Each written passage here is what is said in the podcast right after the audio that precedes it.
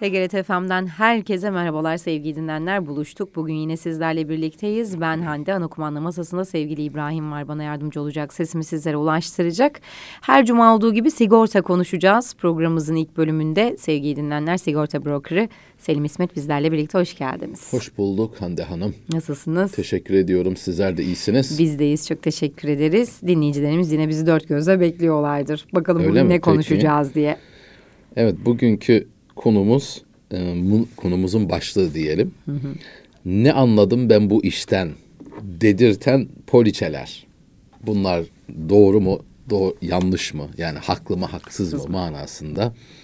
E, zira böylesi e, tepkiler, ifadeler zaman zaman veriliyor.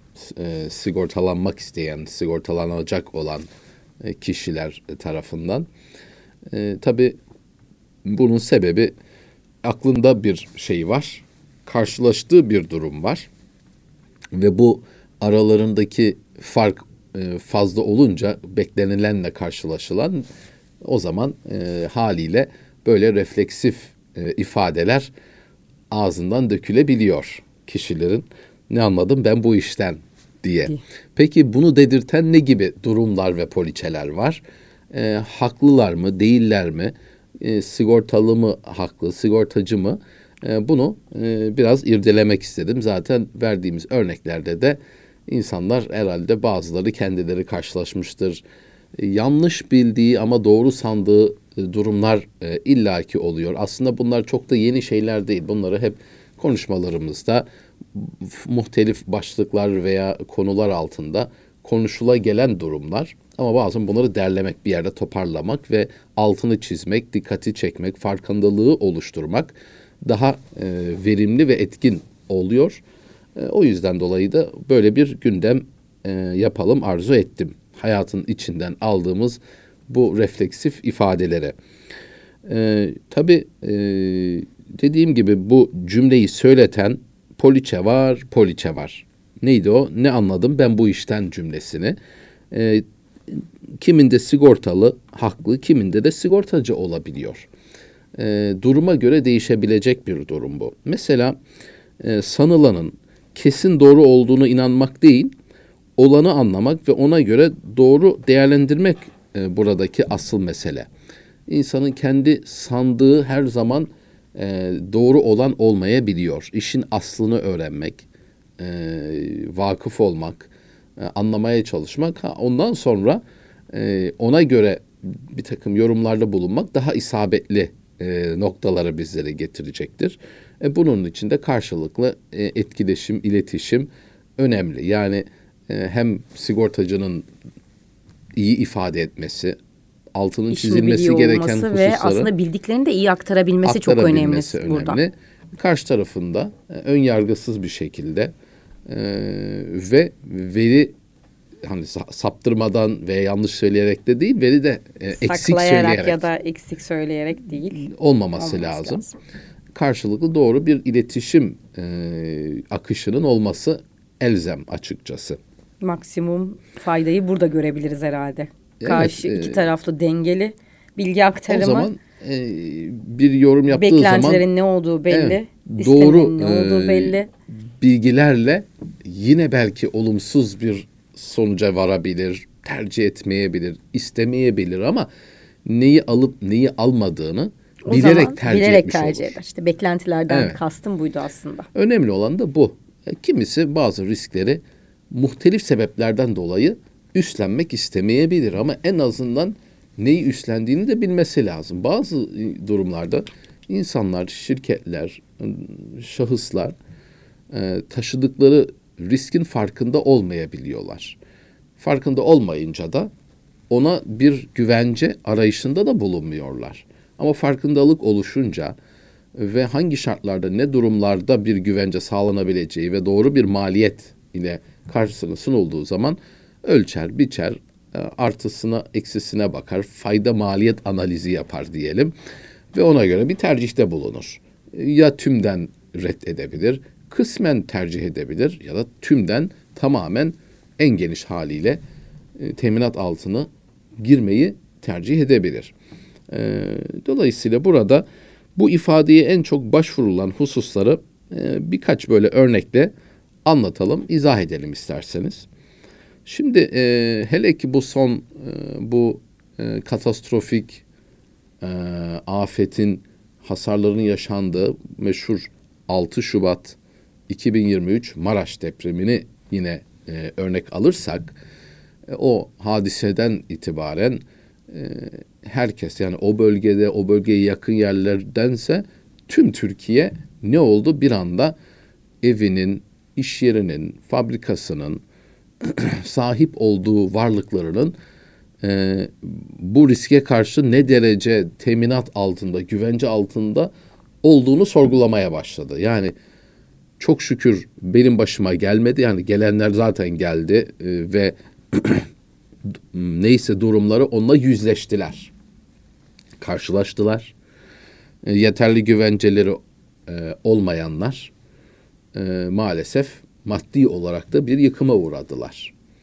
Ama bu bizi tetikledi diye düşünüyorum. Evet onlar maalesef işin en kötü senaryosuyla karşılaşanlar. Yaşadılar. Yani yaşadılar. Evet. Ee, inşallah da olabildiğince sigortası olanlar ve e, o olanlardan da doğru yeterli yapmış olanlar.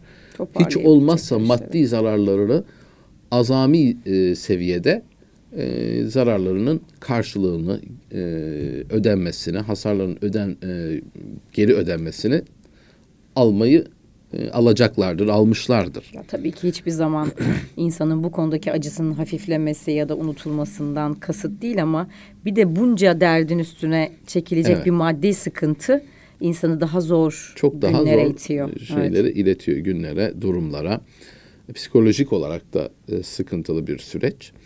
Ama bunun dışında zarar görmeyenler ne yaptı? Kendi durumuna dönüp baktı.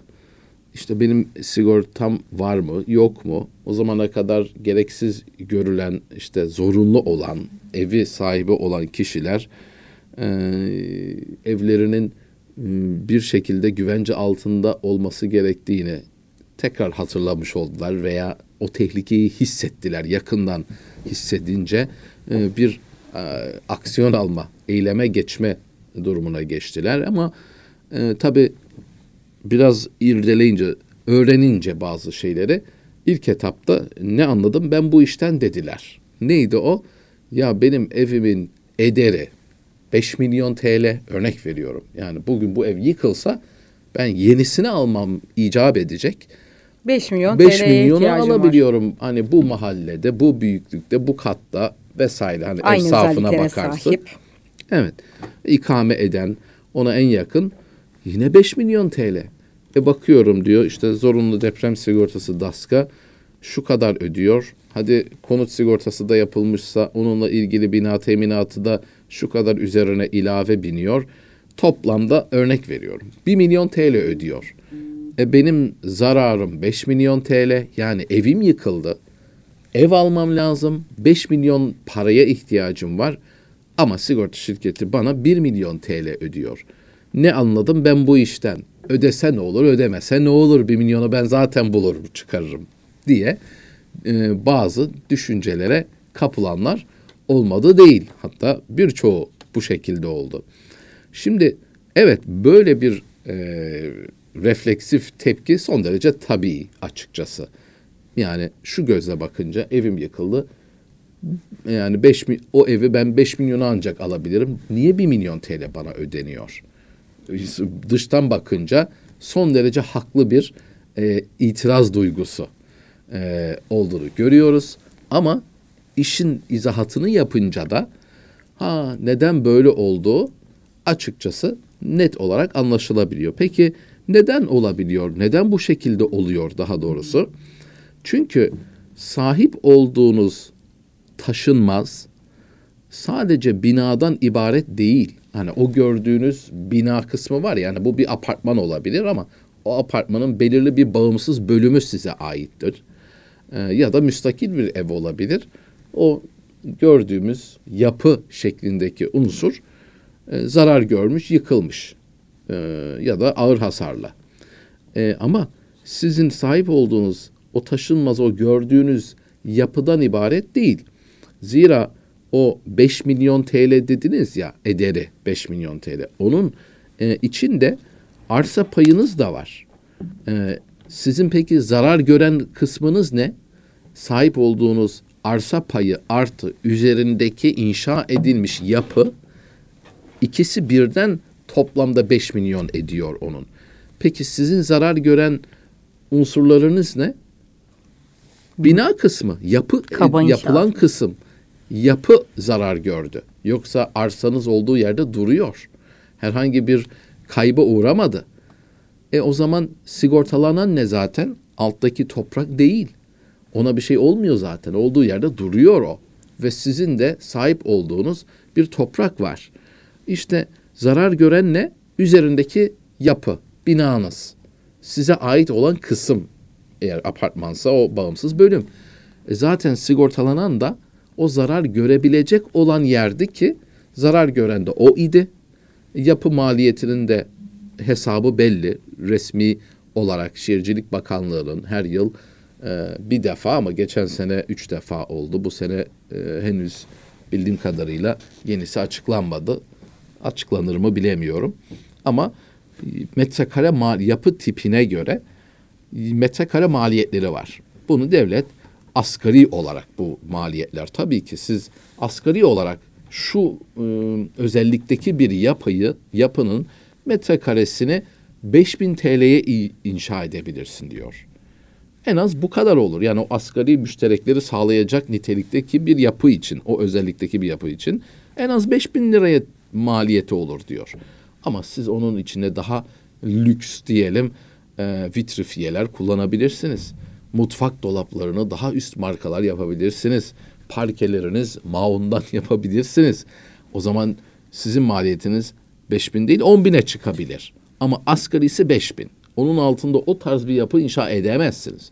Sistemlerde poliçenizi yaparken o metrekare maliyetine göre metrekarene girerseniz ona göre hesap eder otomatik çıkar o bedel. Yani manuel olarak ya bu bina bedelini poliçemdeki işte DASK olsun konu sigortasında olsun ya da iş yeri sigortanızdaki iş yeri ofis fabrika olsun manuel o bedeli girmiyorsunuz. Verilerini giriyorsunuz sistem hesaplıyor bunu. Ee, ve kriter yapı maliyetidir. Çünkü zarar gören o- kısım yapı kısmı. Yoksa dediğim gibi o 5 milyon örneğinden tekrar atıfta bulunursak arsanız duruyor. E, isterseniz üzerine tekrar bir bina yapmak isteseniz e, bina yapım maliyeti asgari miktarı bu. O ödemeyi alıyorsunuz zaten. Ha, bazı muafiyetler var, kuastranslar var. Olan riske duru, e, durumuna göre işte depremse yüzde seksenine kadar ödüyor vesaire. Ama zarar gören yapı ve ondan dolayı 1 milyon TL görüyorsunuz orada. Bina kısmını yeniden yapma maliyeti 1 milyonmuş demek ki bu örnekte. O yüzden dolayı e, diyelim ki ya ben o 1 milyonla nasıl yapayım bu kocaman bir apartman. 30 tane daire var.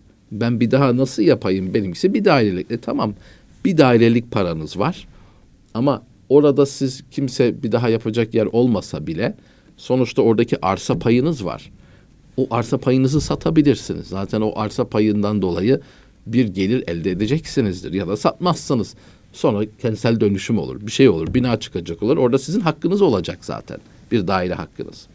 O yüzden dolayı e, benim e, şimdi ne anladım ben bu işten genelde bu deprem sonrasında herkes gözler bu bina bedellerine, poliçelerdeki DAS konut poliçelerindeki bina bedellerine dönünce ve 5 milyon yerine 1 milyonu görünce ister istemez bu şekilde e, tepkiler oldu. Ama izahatı da bu.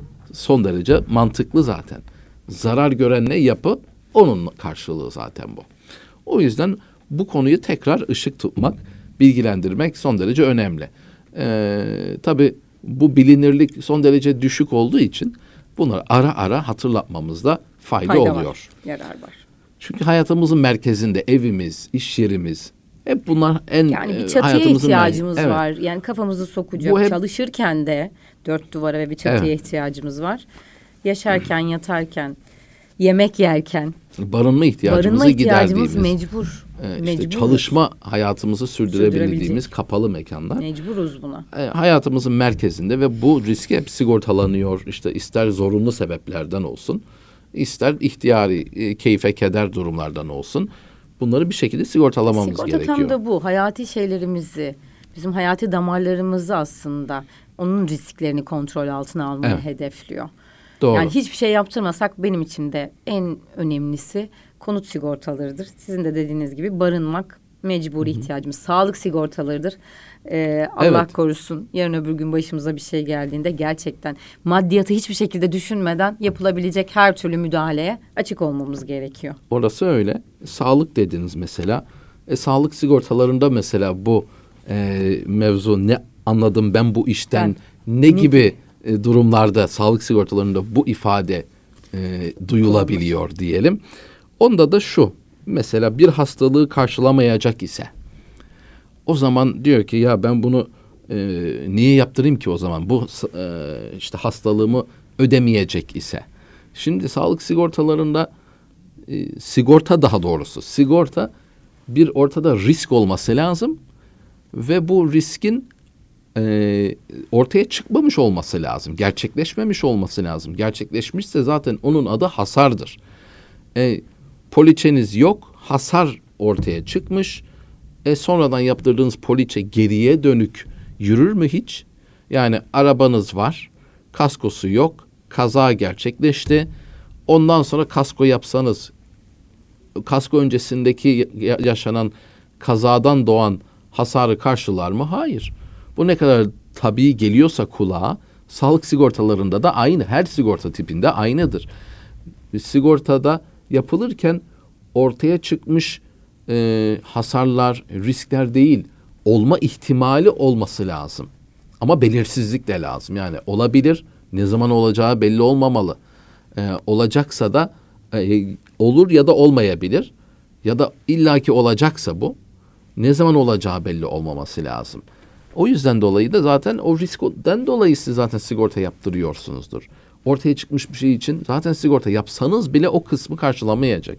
O yüzden sağlık sigortalarında da mevcut önceden poliçe öncesinden çıkmış olan, yaşanılmış olan ister doğumla beraber kalıtsal ırsi gelmiş olsun, ister sonradan ortaya çıkmış olsun, kronik bir takım rahatsızlıklar varsa bunlar o sağlık poliçesinin dışında tutulurlar.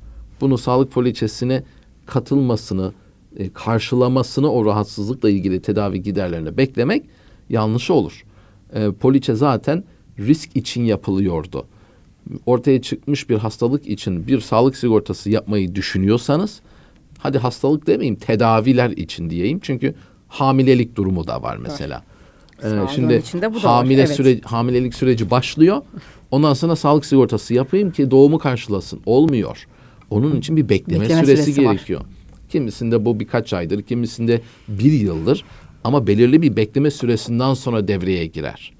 O yüzden dolayı e, ya e, şu sahikle eğer ki bir insan sağlık sigortası yapıyorsa ya bir ortaya bir risk çıktı.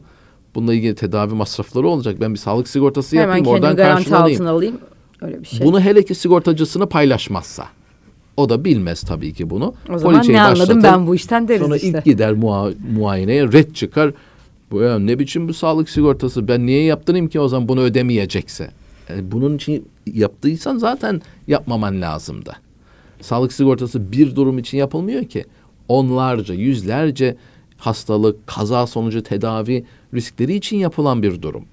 O yüzden e, bunda da demek ki ürünü iyi anlarsak e, sigortayı, durumunu ona göre e, beklentilerimiz olur. Ama doğru beklentiler olursa neticesi faydalı ve doğru çıkar. Son olarak da işte kaskolarda en çok kullanılan bilinen sigortalardan araçların e, sigortalanması hususu ihtiyari olan işte ne bileyim bir kaza olabiliyor. İstiyor ki hemen e, ikame araç verilsin. Bir de onun bir e, mantığı var. Yani e, bir yani bir günlük bir tamir için bu verilmez. Onun için poliçelerde ya bir ya iki günlük süreden daha fazla onarım sürecekse o zaman bu ikame araç verilir. O da da belirli bir süreye Süreç. kadardır. Süresiz olmaz. Ee, işte 15 gündür, 30 güne kadar da çıkabilir. ya da genelde standarda yedi güne kadardır ve yılda iki kez olabilir. Ama ikame araçtan e, hareket bir anda siz araçsız kaldınız ve bir iki günde onun tamiri bitmeyecekse daha uzun süreli bir e, araçsız kalma durumunuza istinaden size geçici süreliğine araç verir. Daha uzun bir e, şey olacaksa e, araçsız kalınacaksa onarımdan dolayı atıyorum yedi günse ama tamiratı iki hafta sürecekse siz yedi gün evet verdi size ama sonraki zaman için siz bu arada kendinize alternatif geliştirin, bulun. Ee, size o anda bir e, geçici olarak bir hizmet vermiş oluyor. Siz ondan sonraki süreç için kendiniz bir alternatif bulmanız icap edebilir. Ya da ne bileyim pert durumu olacaksa araçta büyük bir hasar vardır. Perte çıkma durumu varsa genelde diyeyim e, ikame araç verilmez. Şartların içinde yazılıdır. E, çünkü bu araç artık parası ödenecek. Neyse e, ederi ve bitmiş olacak. Yani geçici süreliğine araçsız kalmıyorsunuz. Hepten kalmıyorsunuz. Genelde ikame araç verilmez. Bunun gibi e, tabii birçok e, örnek verilebilir. Bunun sonu yok aslında. Ama bazı hususların bilinmesi ya da izah edildiği zaman da makul karşılanması e, lazım geliyor sigortalılar tarafından da. Her şeyin detayına kadar size baştan anlatsalar siz de dinlemezsiniz, duysanız da anlamazsınız. Başa gelince bazı şeyler oluyor ama en azından şunu bilmek lazım. Yapılan poliçelerin bir takım şartları var, limitleri var ve bu şartlar yerine gelmişse o poliçedeki belirtilen hususlar o zaman e, onunla ilgili bir takım hizmetler alabilirsiniz. Yoksa sınırsızca e, istediğiniz zaman istediğiniz kadar olmuyor. Bunların şartları var, limitleri var. Bunları da baştan olabildiğince ve mantığını anlamak e, her zaman e, sonuç itibariyle müşteri memnuniyetini ne anladım daha ben bu işten dememek etkilenen. için evet, işte. Ne anladım ben bu işten dememek bu için. Bu cümleye düşmemek için. Bu işi yani e, mantığını daha iyi anlamak daha doğru sonuçlara getirecektir. Çok teşekkür ediyoruz. Ben de teşekkür ediyorum. Ee, noktalayalım bugün programımızı yine. Sigorta konuştuk. Sigorta brokeri Selim İsmet bizlerle birlikteydi sevgili dinleyenler. Sigorta gerçekten aslında böyle karman çorman anlaşılır gibi görünmese de e, doğru bilgiyle hem bizim verdiğimiz bilgilerle hem sigortacıdan aldığımız doğru bilgilerle aslında orta yolu bulup tam da ihtiyacınıza uygun e, sigortayı kullanabileceklerini bir kez daha hatırlatmış olduk. Evet. Çok teşekkür ediyorum. Kısa bir ara sonrasında burada olacağız.